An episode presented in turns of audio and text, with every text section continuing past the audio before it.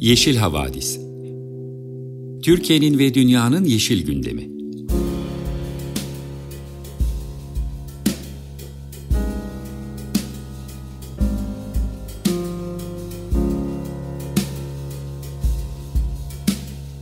Hazırlayan ve sunanlar Selin Uğurtaş ve Arca Yılmaz.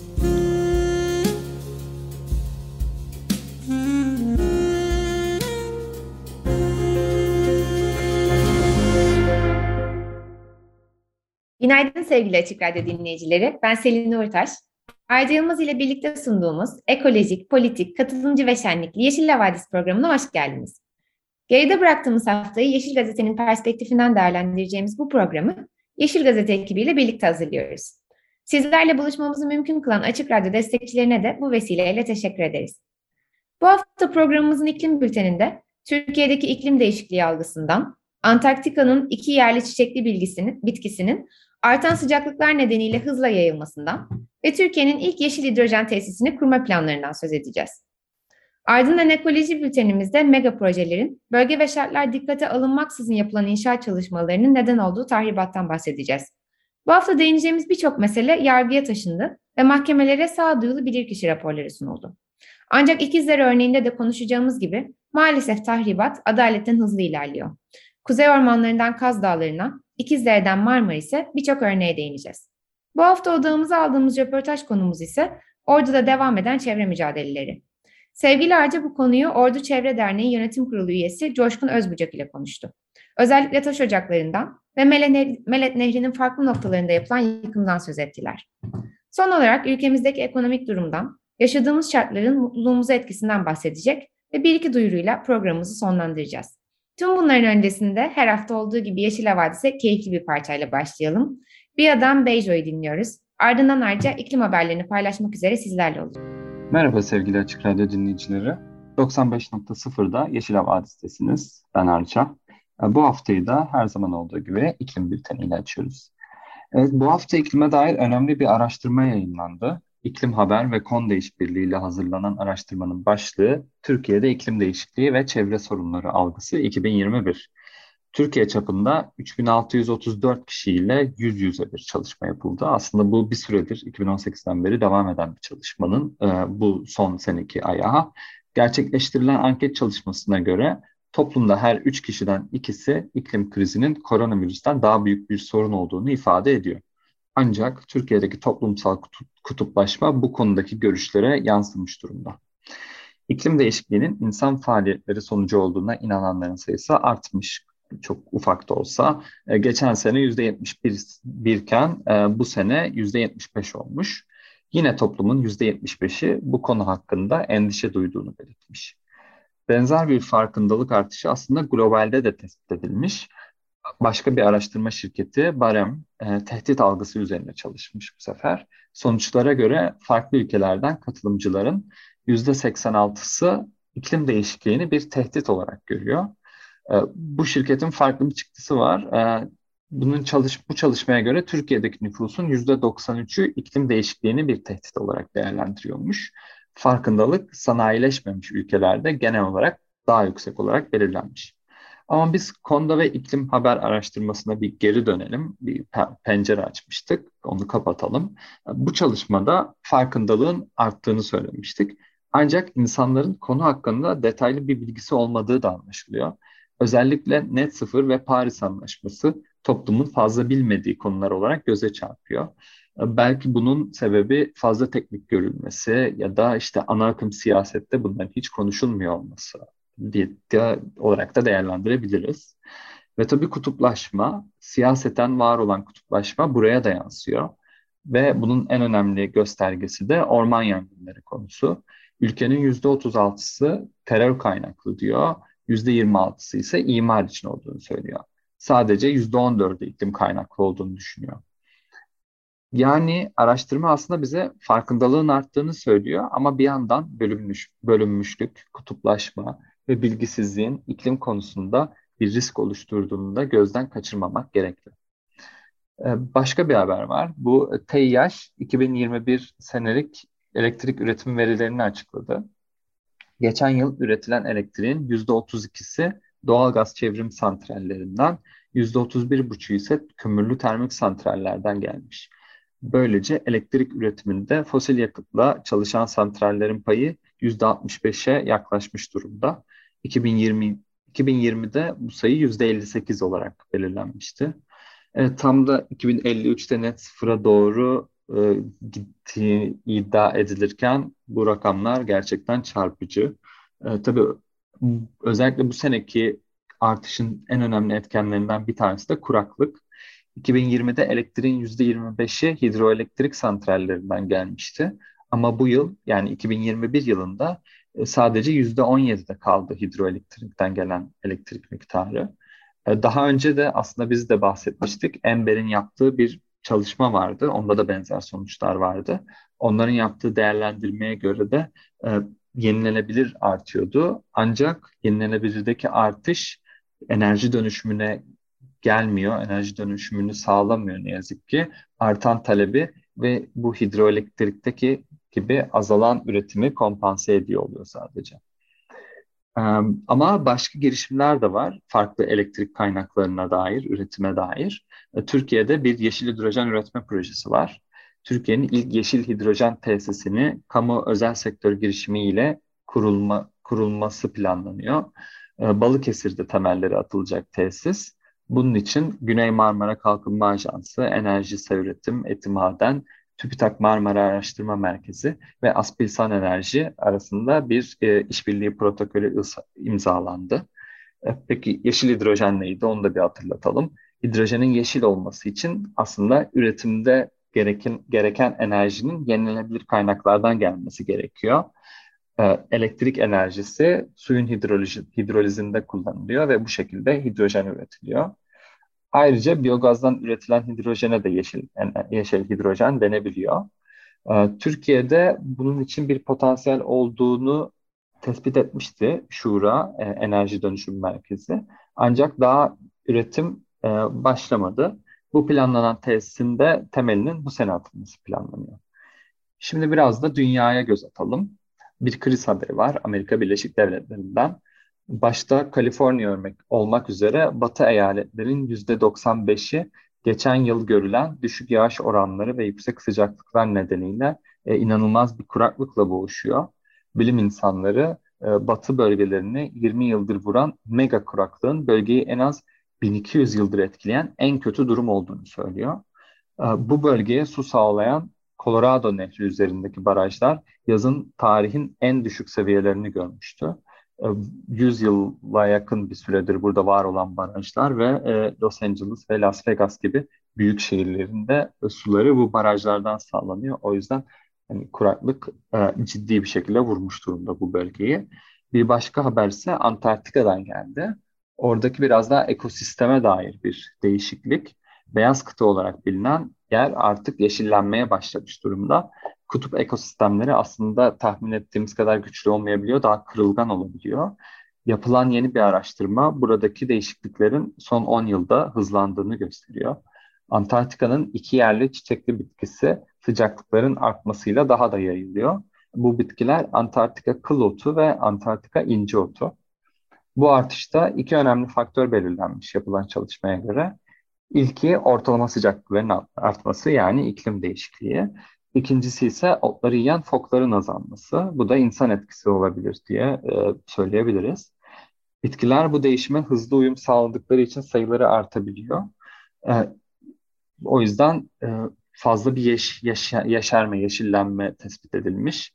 Yerli türlerin artması dışında bir başka tehlike daha var burada. O da yabancı türler. Sadece bitki tohumu, bitki taşınması değil, istenmeden de olsa omurgasızlar ve tek hücreli canlılar da kıtaya gerçekleştirilen turizm faaliyetleri yüzünden buraya yerleşebiliyorlar ve istilacı bir şekilde fazlaca üreyebiliyorlar.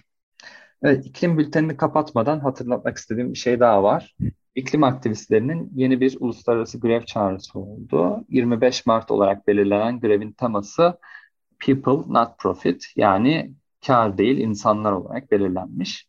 Çağrının bir bölümünde şöyle deniyor. Ömer Madra'nın çevirisiyle okuyorum en zengin kapitalist yüzde bir eylemlerinden ve kasıtlı cehaletinden sorumlu tutulmalıdır.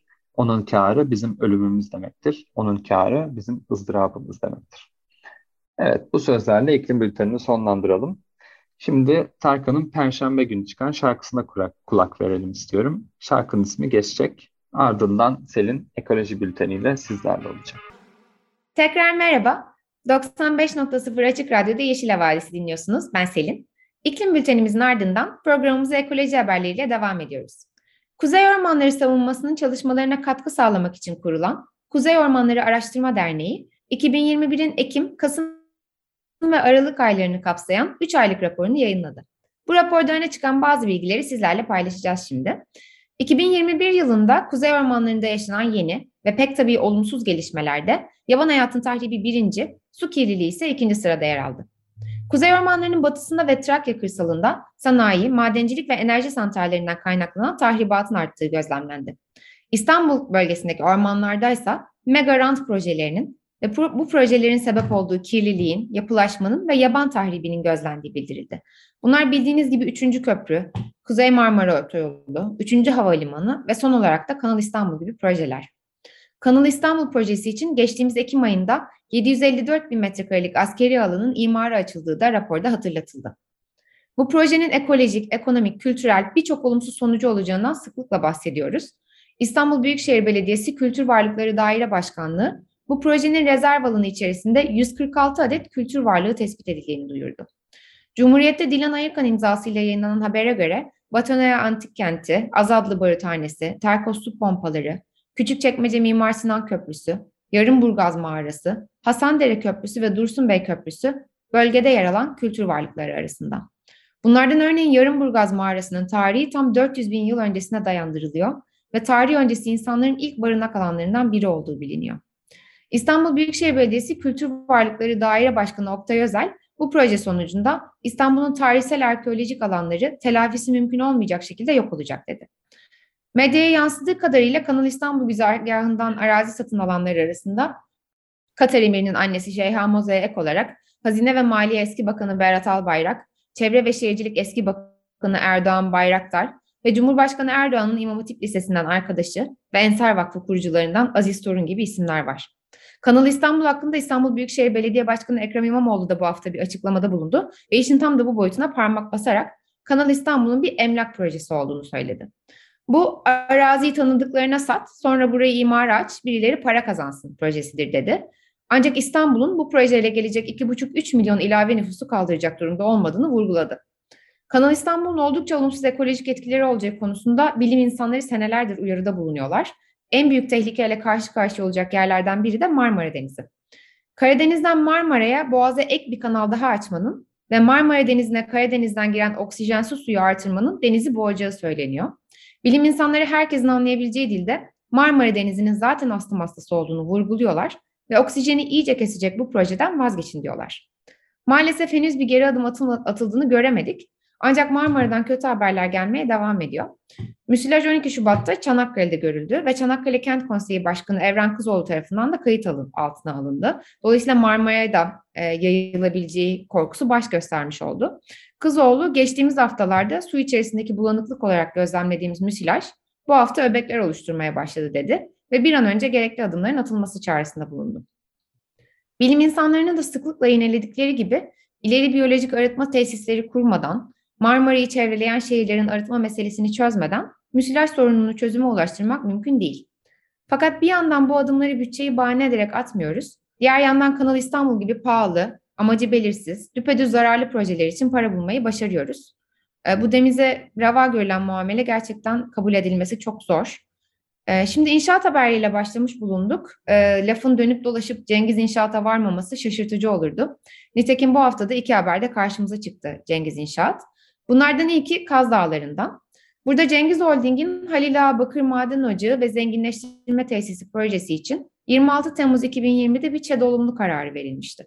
Ardından da 24 Ağustos'ta bu, karar, bu kararın yürütmesinin durdurulması ve iptali için dava açılmıştı. Şimdi bu davanın bilirkişi keşif raporu sonucu ortaya çıktı ve rapora göre tesise ÇED olumlu kararı verilmesi uygun değil. Bunun üzerine Kaz Dağları Ekoloji Platformu'nda bir açıklama yaptı ve bilim bizden yana dedi. Şimdi acilen yürütmeyi durdurma kararı verilmesi bekleniyor. Cengiz Holding'in çevreye zarar veren projelerinden bir diğeri de İkizdere'de uzun süredir sizinle paylaştığımız mücadeleye konu olmuştu. Neden olmuştu? Holding Rize'deki İyidere Lojistik Liman Projesi'nin yapımını üstlenmişti. Bu inşaata taş temin etmek için de İkizdere'de bir taş ocağı yapımına başlandı. Ama bu inşaat İkizderelilerin aylardır devam eden kararlı direnişiyle karşılaştı. Bu proje için ÇED gerekli değildir kararı çıkmış. Hem Yaraköylüleri hem de İkizdere Çevre Derneği konuyu mahkemeye taşımıştı. bu dava kapsamında bir bilirkişi raporu hazırlanmış. Raporda projenin usulsüz olduğu ve Eskencidere Vadisi'nde yapılmasının uygun olmadığı ifade edilmişti. Heyelanla ilgili yeterli çalışma olmaması, su kaynaklarının tehdit edilmesi, yaban hayatın ve tarımın olumsuz etkilenecek olması raporda vurgu yapılan unsurlar arasındaydı. Bu raporun üzerinden tam 180 gün geçmesine rağmen hala mahkeme tarafından gereği yapılıp yürütmeyi durdurma kararı verilmedi ve İkizdere'de taş ocağı çalışmaları da 180 gündür devam ediyor. Bölgede 25 Şubat'ta bir fidanları kurtarma eylemi yapılacak. Destek olmak isteyenlere buradan duyurmuş olalım. Her ne kadar İkizdere örneğindeki gibi mahkemeler bazen bilirkişi raporuna rağmen adaleti geciktirse de iyi haberleri atlamamak lazım. Böyle bir haber Marmaris'ten geldi bu hafta. Yeşil Vadisi'de daha önce de bahsetmiştik. Simpaş GYO'nun Marmaris'te devam eden büyük bir inşaatı var. Kızılbük Resort Otel ve Devre Mülk. Bu proje Marmaris'te Milli Park'taki Kızılbük koyunda iki etaptan oluşuyor. Hem 205 odalı bir oteli var hem de 1407 adet devre mülkü kapsıyor. Dilerim zaman ayırıp fotoğraflara bakarsınız çünkü cennet bir köşede heyula gibi yükselen bir beton yapı. Bölge tabii dümdüz edilmiş. Yağmurla beraber o çamur Marmaris'in denizini kahverengiye boyamış. Gelin görün ki Muğla Valiliği bu devasa proje için ÇED gerekli değildir kararı vermişti. Marmaris Kent Konseyi de bu kararın iptal edilmesi için bir hukuk mücadelesi başlatmıştı. Bu konuda hazırlanan bilirkişi raporu geçtiğimiz hafta mahkemeye sunuldu. Raporda projenin bölgedeki ekolojik yaşamı tahrip ettiği ve inşaat sırasında da sanayi kaynaklı hava kirliliğinin kontrolü yönetmeliğine aykırı hareket edildiği söylendi. Bu proje için ÇED'in zorunlu olduğu yönünde görüş beyan edildi. Marmaris Kent Konseyi bilirkişi raporu nedeniyle heyecanlı ve mutlu olduklarını duyuruldu, duyurdu. Muğla 3. İdare Mahkemesi'nin yürütmeyi durdurma kararı vermesini umutla bekliyoruz dedi. Sıradaki haberimiz Antalya'dan. Manavgat'ta Kırkkavak Köyü yakınlarında yangından kurtarılan Kızılçam ormanlarında açılmak istenen mermer ocağına karşı direniş devam ediyor. Projenin sahibi Taş Kütüphanesi adlı Çinli ve yerli ortakları olan bir firma. Geçtiğimiz hafta iş makineleriyle girip ağaç kesmeye başlamaları üzerine bölgedeki 11 köyün halkının tepkisiyle karşılaşılmıştı. Bir yandan halk gözaltına alınmış ama bir yandan da çalışmalar durdurulmuştu. Bu maden ocağı içinde aynı Simpaş'ın inşaatı gibi ÇED gerekli görülmemişti. Oysa yalnızca iş makinelerinin bölgeye girebilmesi için bile 300 kızılçam ağacının kesileceği belirtiliyor. Bu konuda Antalya Beş Konaklılar Birlik ve Beraberlik Derneği ile Antalya Gazeteciler Cemiyeti ortak bir basın açıklaması yaparak bölgenin doğal, tarihi ve kültürel önemine dikkat çektiler. Beş konak sahipsiz değildir dediler.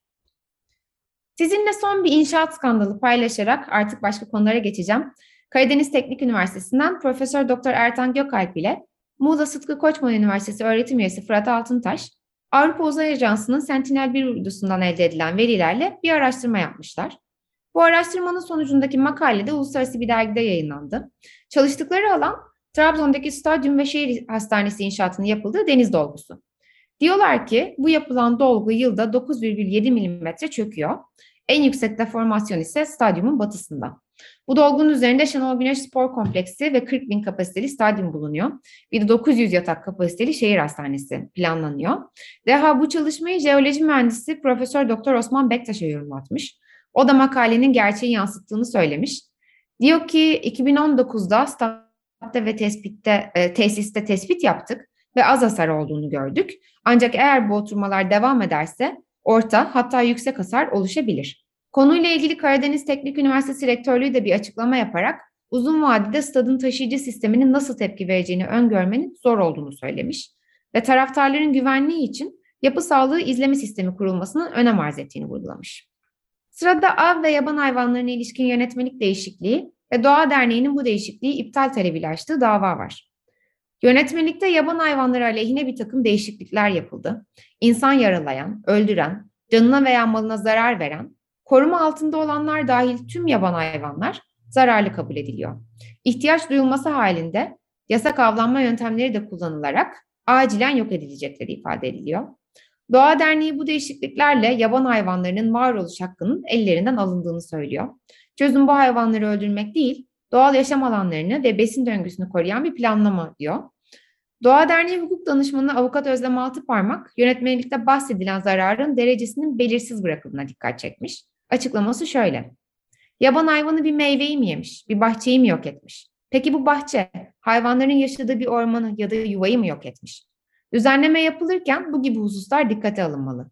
İptali istenen yönetmeliğe göre zararın karşılığı öldürme olarak düzenlenmiştir. Bir zarar meydana geldiğinde yaban hayvanını uzaklaştırmanın bir başka yolu olup olmadığı veya zararın niteliği önem taşımıyor. Bu düzenlemelerle hukukun temel prensipleri olan ölçülülük ve belirlilik ilkeleri zedelenmiştir demiş. Evet, bu haberle birlikte ekoloji bültenimizin sonuna geliyoruz. Birazdan ayrıca bu haftanın röportajıyla sizlerle olacak. Ordu Çevre Derneği Yönetim Kurulu üyesi Coşkun Özbucak'la Ordu'daki çevre mücadelelerinden, özellikle de taş ocaklarından ve Melet Nehri'nin farklı bölgelerindeki tahribattan konuştular. Özbucak Orçev olarak çevre mücadelelerinde izledikleri politikaları da aktardı. Bu söyleşiye geçmeden önce kısa bir müzik arası veriyoruz. Sophie Hunger'ın yorumuyla Le Van nous Portere'yi dinleyeceğiz. Merhaba sevgili Açık Radyo dinleyicileri. Ee, bu hafta röportajımızı Ordu Çevre, Çevre Derneği'nden yönetim kurulu üyesi Coşkun Özbucak'la yapacağız. Ee, Ordu çevre tahribatının fazla olduğu illerden bir tanesi. Yani şehri HES'ler, taş ocakları, madenler sarmış durumda. Ama buna rağmen güçlü bir mücadele de görüyoruz. Ve bu mücadelenin e, ön, nok- ön saflarında yer alan e, yapılardan bir tanesi de Ordu Çevre Derneği. E, hoş geldiniz Coşkun Bey. Merhaba, teşekkür ederim. Hoş bulduk, sağ olun. Ben önce teşekkürler. Öncelikle şeyi sormak istiyorum. Yani hani Ordu'da neden bu kadar e, yoğun bir e, proje, işte maden, bir e, taş ocağı ve HES'lerin odağında neden bu kadar tahribata maruz kalıyor sizce? Ya şimdi yalnızca ordu değil, e, Türkiye'nin her tarafı aynı şekilde e, e, maruz e, taş ocağı, maden veya HES'lerle ilgili, JES'lerle ilgili rüzgar enerjisi, güneş enerjisi talanıyla karşı karşıya.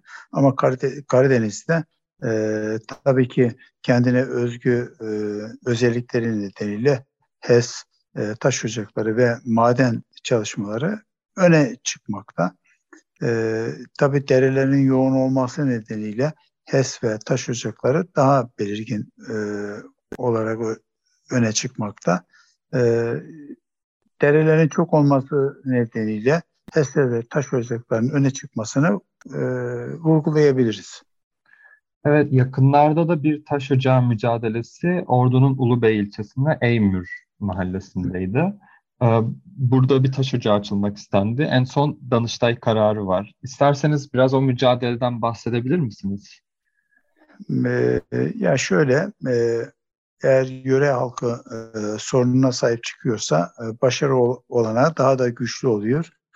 Eymür de bunlardan biri. Tabii e, orada da bunun gibi e, birkaç örnek daha var. Yere halk e, soruna sahip çıkıyorsa kazanım daha güçlü oluyor. İşte bunlardan biri de Korgan'daki e, HES çalışması vardı. Çiftlik halkının e, kamuoyunda da yoğun tartışıldığı fiili mücadelesinin olduğu yer. E, Eymür de bunlardan biri. E, Eymür Ulubey ilçesine bağlı bir e, mahalle. Ama e, taş ocağını açacak olan da Altınordu Belediyesi. E, bu e, proje ortaya çıktığı zaman biz yöre halkına bilgi verdik. Bir şöyle, Ordu Çevre Derneği olarak biz Ordu Büyükşehir Belediyesi, Çevre Şehircilik, Valilik vesaire tüm kurumların e, web sayfalarını takip ediyoruz. Ne gibi projeler var bunları takip ediyoruz. Bu projelerden e, Eymür'le ilgili taş ocağı projesini de gördük. E, mahalle halkıyla bağlantıya girdik. E, böyle bir proje var mahallenizde. E, taraf mısınız değil misiniz? E, projeyi anlatalım e, diye bağlantı kurduk. Köyde bir toplantı yaptık muhtarlığın e, çağrısıyla. E, yöre halkı bu projeye karşı çünkü e, taş ocağının yapılacağı yerde hem yöre halkının su kaynaklarının bulunduğu hem de tarım arazisi bölgesi. E, yöre halkı karşı çıktıklarını belirteyince ÇED e, projesine hem çevre derneği olarak hem de köylüler olarak ortak bir dava açtık. Hem e, kamuoyu yaratmak anlamda basına yönelik çalışmalar hem köyde e, bu taş ocağına hayır çalışmaları hem de biz de merkez ilçede e, bu konuda kamuoyu yaratmaya çalıştık. Dava ile bilgi, ilgili hem bilgilendirme hem fiili mücadeleyle birlikte çalışmayı yürüttük.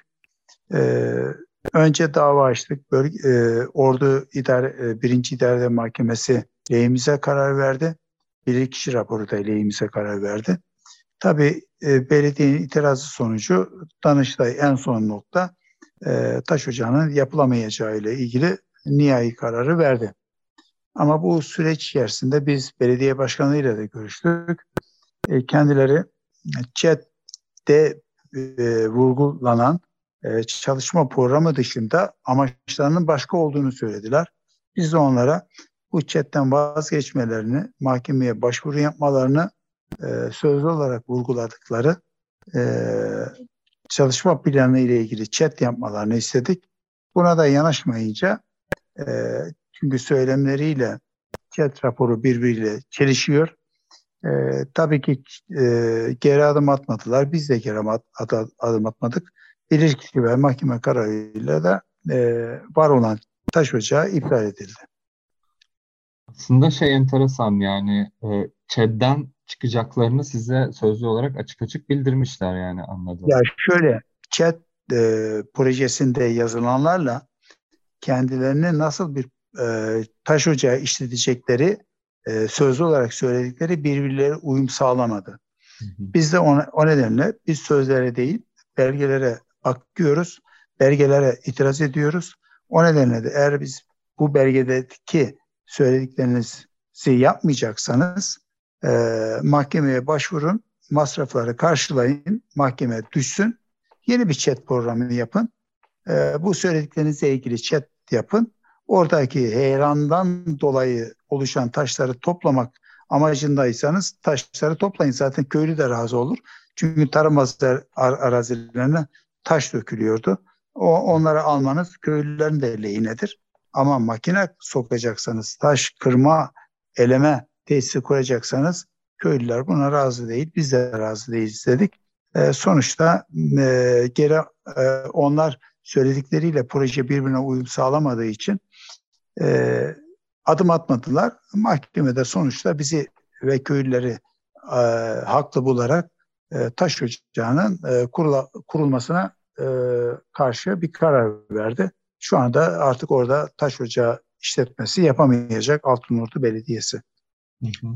Ben sanırım ya benim böyle çok fazla karşılaşmadığım noktalardan biri hani sizin bir ön çalışma yaparak nerede ne gibi projelerin planlandığını tasarladığını tespit etmeniz ve hani projeye daha ilk adımlar atılmadan yöre halkıyla da iletişime geçmeniz durumu var burada. Hani o evet. da bence evet. çok önemli bir yaklaşım burada. Çünkü ya şöyle Evet şöyle Ordu Çevre Derneği olarak, olarak biz e, e, Çevre Şehirciliğin, Valiliğin, Ordu Beledi Büyükşehir Belediyesi'nin ve Çevre Şehircilik e, Bakanlığı'nın e, sitelerine girip ne gibi projeler var bunları takip ediyoruz her akşam.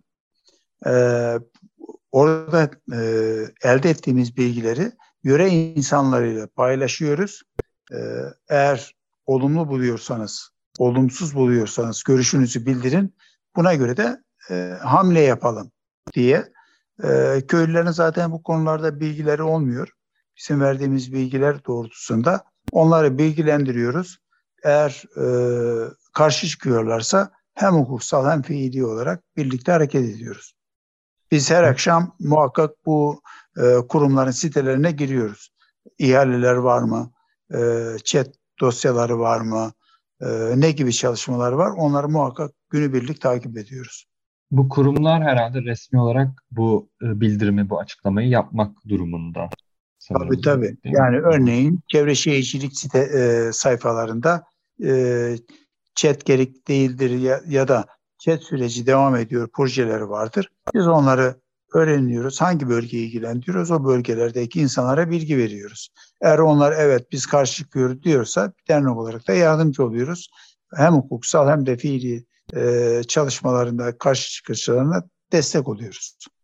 Ama derse ki biz karşı çıkmıyoruz, biz e, yöre insana karşı çıkmıyorsa anlatıyoruz ama e, yok biz bu proje olsun diyorlarsa da ses çıkartma şansımız yok. Ama e, bilgi verdiğimiz tüm yöre insanları e, karşı çıkıyor ve e, açtığımız davalarda da sonuçta da başarılı oluyoruz. Hı hı. Başka bir projeden ben projeyi size sormak istiyorum. Bu da Melet Irmağı üzerinde e, denize tam döküldüğü yerde bir e, Ordu Büyükşehir Belediyesi'nin bar, balıkçı barınağı projesi vardı. Yakın zamanda bir dolgu projesi de vardı sanırım. Bunlar e, yanlış bilmiyorsam ayrı projeler olarak tasarlanmıştı değil mi? Buradaki Bütün süreç ayrı ayrı ele almışlar. Aha, buradaki süreç ne durumda, ne aşamada? Biraz onu bahseder misiniz? Ya şimdi Ordu Büyükşehir Belediyesi şu andaki belediye yönetimin dışında önceki belediye yönetim e, döneminde Ordu'nun e, rıhtım dediğimiz iskeleden Melet Irmağı yani Orta Doğu e, nasıl diyelim Doğu Karadeniz ve Orta Karadeniz'i birbirinden ayıran Melet Irmağı arasında e, kıyı düzenleme ve e, deniz dolgusu projesi vardı. Bu projesi projeyi 3-4 e, parçaya bölerek e, faaliyet yürütüyordu. Biz bunlara karşı çıktık. E, çünkü e, chat yönetmenliğine göre e, for, formaliteler var. Yani örneğin 25 dönümün altında 10 bin deniz dolgusuysa 10 bin dönümün altında olduğu zaman chat gerekli değildir kararları çıkıyor. Ama bütününde chat e, projesi e, oluru almaları gerekir. E, belediye bu konuda e, taktik geliştirmiş. Projeyi 3'e 4'e bölerek chat gerekli değildir projesi kapsamında işlem yapıyordu. Biz bunlara karşı çıktık, davalar açtık. Belediyeye açtığımız dört davanın dördünü de kazandık. Şu anda e, ikisi e, üst mahkemelerde onaylandı, ikisi de devam ediyor. Bunun dışında bir tane de e, bu parça parça e, yaptığı projelerin bütünü olan e, bir proje var. Ona dava açtık. Ona da yürütmeyi durdurma kararı aldık. Bir de Meret Irmak'ın e, yani bu e, yürütmeyi durdurma kararı aldığımız program Meret Irmak'ını da kapsıyor. Ancak belediye e, yeni bu proje yaparak Meret Irmağı üzerinde aslında bütünden parçalayarak, bütünü parçalayarak yapmış taktik bir gelişme bu. Ee, balıkçı barınağı projesi yapmış. Aslında bu balıkçı barınağı projesi bütün projenin bir parçası bölmüş. Yani bütün hep dava açtığımız için e, işlem yapamadı, yap, e, yapamayacağı için kendine göre yeni bir proje geliştirmiş. Biz buna da dava açtık. E, mahkeme buna da yürütmeyi durma kararı verdi. Çünkü birbiriyle bağlantılı projeler ve yapılırsa gerçekten Melet Irmağı e, şöyle diyelim e, hem balıkların yumurtlama yaptığı yer hem de balıkların beslendiği bir yer. Büyük bir ırmak. E, adı üzerinde Doğu Karadeniz'de Batı Karadeniz pardon Orta Karadeniz'de e, Doğu Karadeniz'i birbirinden ayıran bir ırmak. E, özel, özelliği e, büyük olan bir ırmak. E, bu ırmağın e, ağızlarına 500 metrelik, 700 metrelik mendirek yapılıyor. Bu mendirek balıkların hem yumurtlanması hem de beslenmesini engelleyen bir girişim. Bilirkişi raporları da bu yönde oldu. Ee, e, uzun süredir e, mahkeme e, yürütmeyi durdurma kararı vermiyordu. Biz ısrarlı 3-4 kere başvuru yapmamız sonrası hem ana davayı hem de balıkçı barınağı üzerine yürütmeyi durdurma kararı verdi. Ee, ana davamız 21 Şubat'ta e, balıkçı barınağı ile ilgili davamızda 14 Mart'ta e, yüz yüze bir e, bölge idare mahkeme pardon e, idare mahkemesinde yüz yüze davamız görüş, e, görüşülecek. E, bu bir, büyük bir avantaj. Tabii Ordu Büyük Belediyesi şöyle kurnazlık yapıyor. Örneğin denizde 10 bin metrekare dolgu yapacaksa chat süreci yaşaması gerekir. Ama 10 binin altında bir e, dolgu yapacaksa chat gerekli değildir. Valilikten onu olur alması gerekir. Yapacağı çalışmaların hepsini 10 binin altında göstererek 3-4 tane proje yapıyor. Ama bunların toplamı birbirine bitişik alanlar. Ee, bir kişi raporu da bu konuda e, burada bir e, oyun var. E, bütünü parçalamışlar. Bütününde chat projesi olması gerekir diyerek bir raporu var. Bu raporda olsun da mahkeme bizim lehimizde büyük olasılıkla hem 21 Şubat'ta hem de 14 Mart'ta yapacağımız mahkemelerde bizim lehimize karar vereceğine inanıyoruz. Çünkü bilirkişi raporları bu doğrultuda. Evet, e, umarım e, o şekilde sonuçlanır mahkemelerde. Gerçekten bir e, işin etrafından dolanma hali görünüyor evet, aynen, anlattıklarınıza aynen. göre. E, ya Melet Irmağı'na dair ya, 2019 yılında Mekanda Adalet Derneği ile Ordu Çevre Derneği'nin bir çalışması vardı. İsmi evet. Bütünleşik Havza Yıkımı evet. e, olarak. E, burada da ben hani dinleyiciye de biraz anlatmak istedim. Melet Irmağı üzerindeki sadece HES'ler değil, aynı zamanda işte taş ocakları, başka havzalardan getirilen sular, e, su projeleri dahil olmak üzere çok geniş bir e, yıkım alanına dönüştürülmüş durumda. Melet Irmağı'nın sadece e, ağzı değil ama e, bütün kolları. E, bu projede aslında anladığım kadarıyla bu yıkımın bir parçası olarak tasarlanmış gibi görünüyor. Şimdi benim e, e, bu zamana kadar söylediklerim Meret Irmağı'nın denizle buluştuğu nokta. Şimdi sizin söyledikleriniz ise denizden Meret Irmağı'nın doğuş noktasına kadar ki mesafeyle ilgili bir proje. Ee, e, yani birbirinden farklı. Şimdi denizden Milletin doğuşu noktasına kadar olan bölümde HES projeleri var. Taş e, ocağı projeleri var. Zaten e, bir bölgede HES varsa muhakkak taş ocağı da var. Çünkü o HES'in betonunu bilmem neyi yapabilmek için e, taş ve kum gerekli. Onu da şirket taş ocağıyla hallediyor.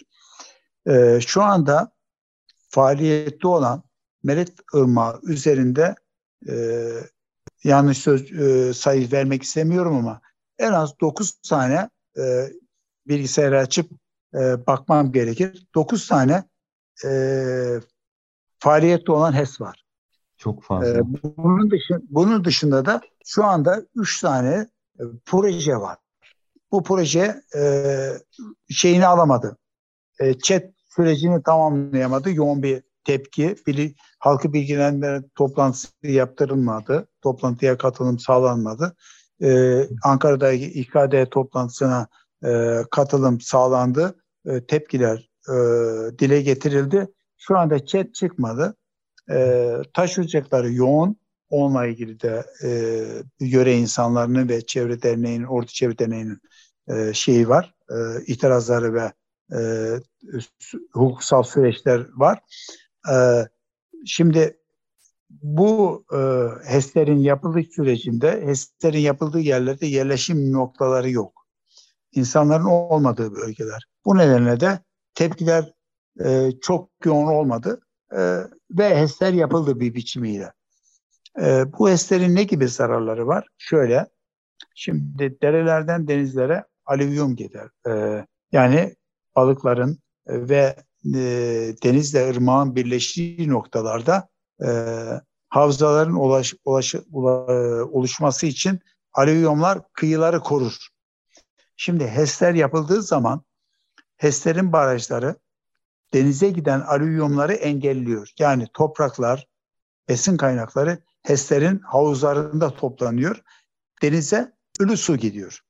Böylece ne e, denizdeki balıklara besin gitmiş oluyor ne de e, denizlere alüvyum gitmediği için deniz kıyıları dövmeye başlıyor ve kıyıları tahrip ediyor.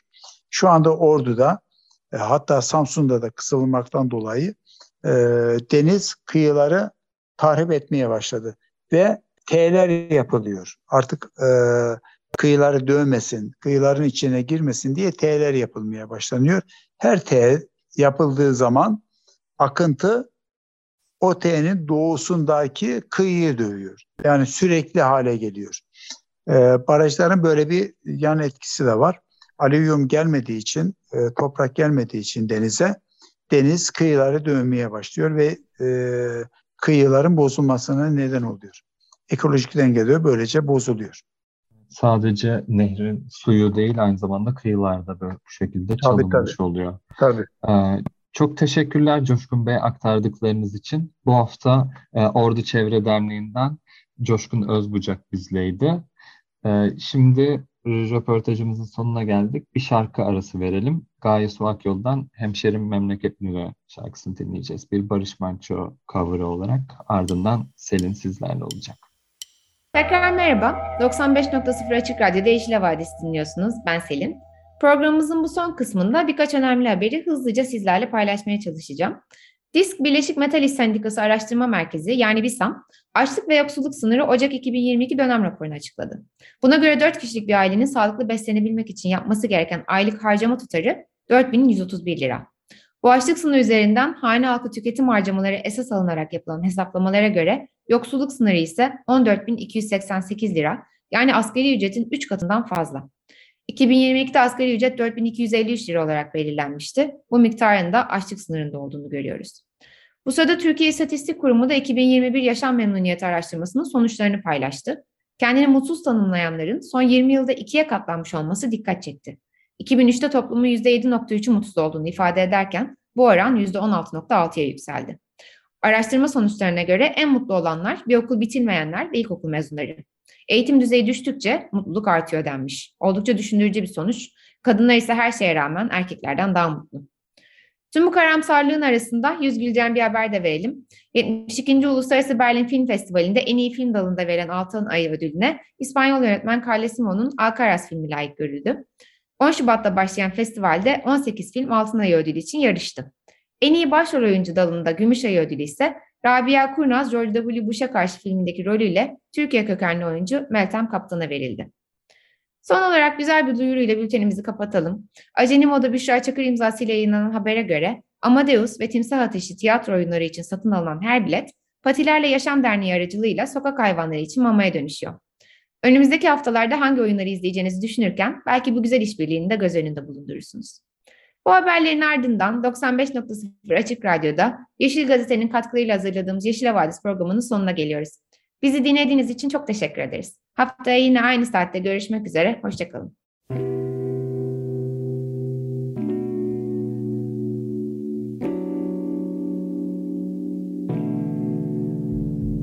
Yeşil Havadis Türkiye'nin ve dünyanın yeşil gündemi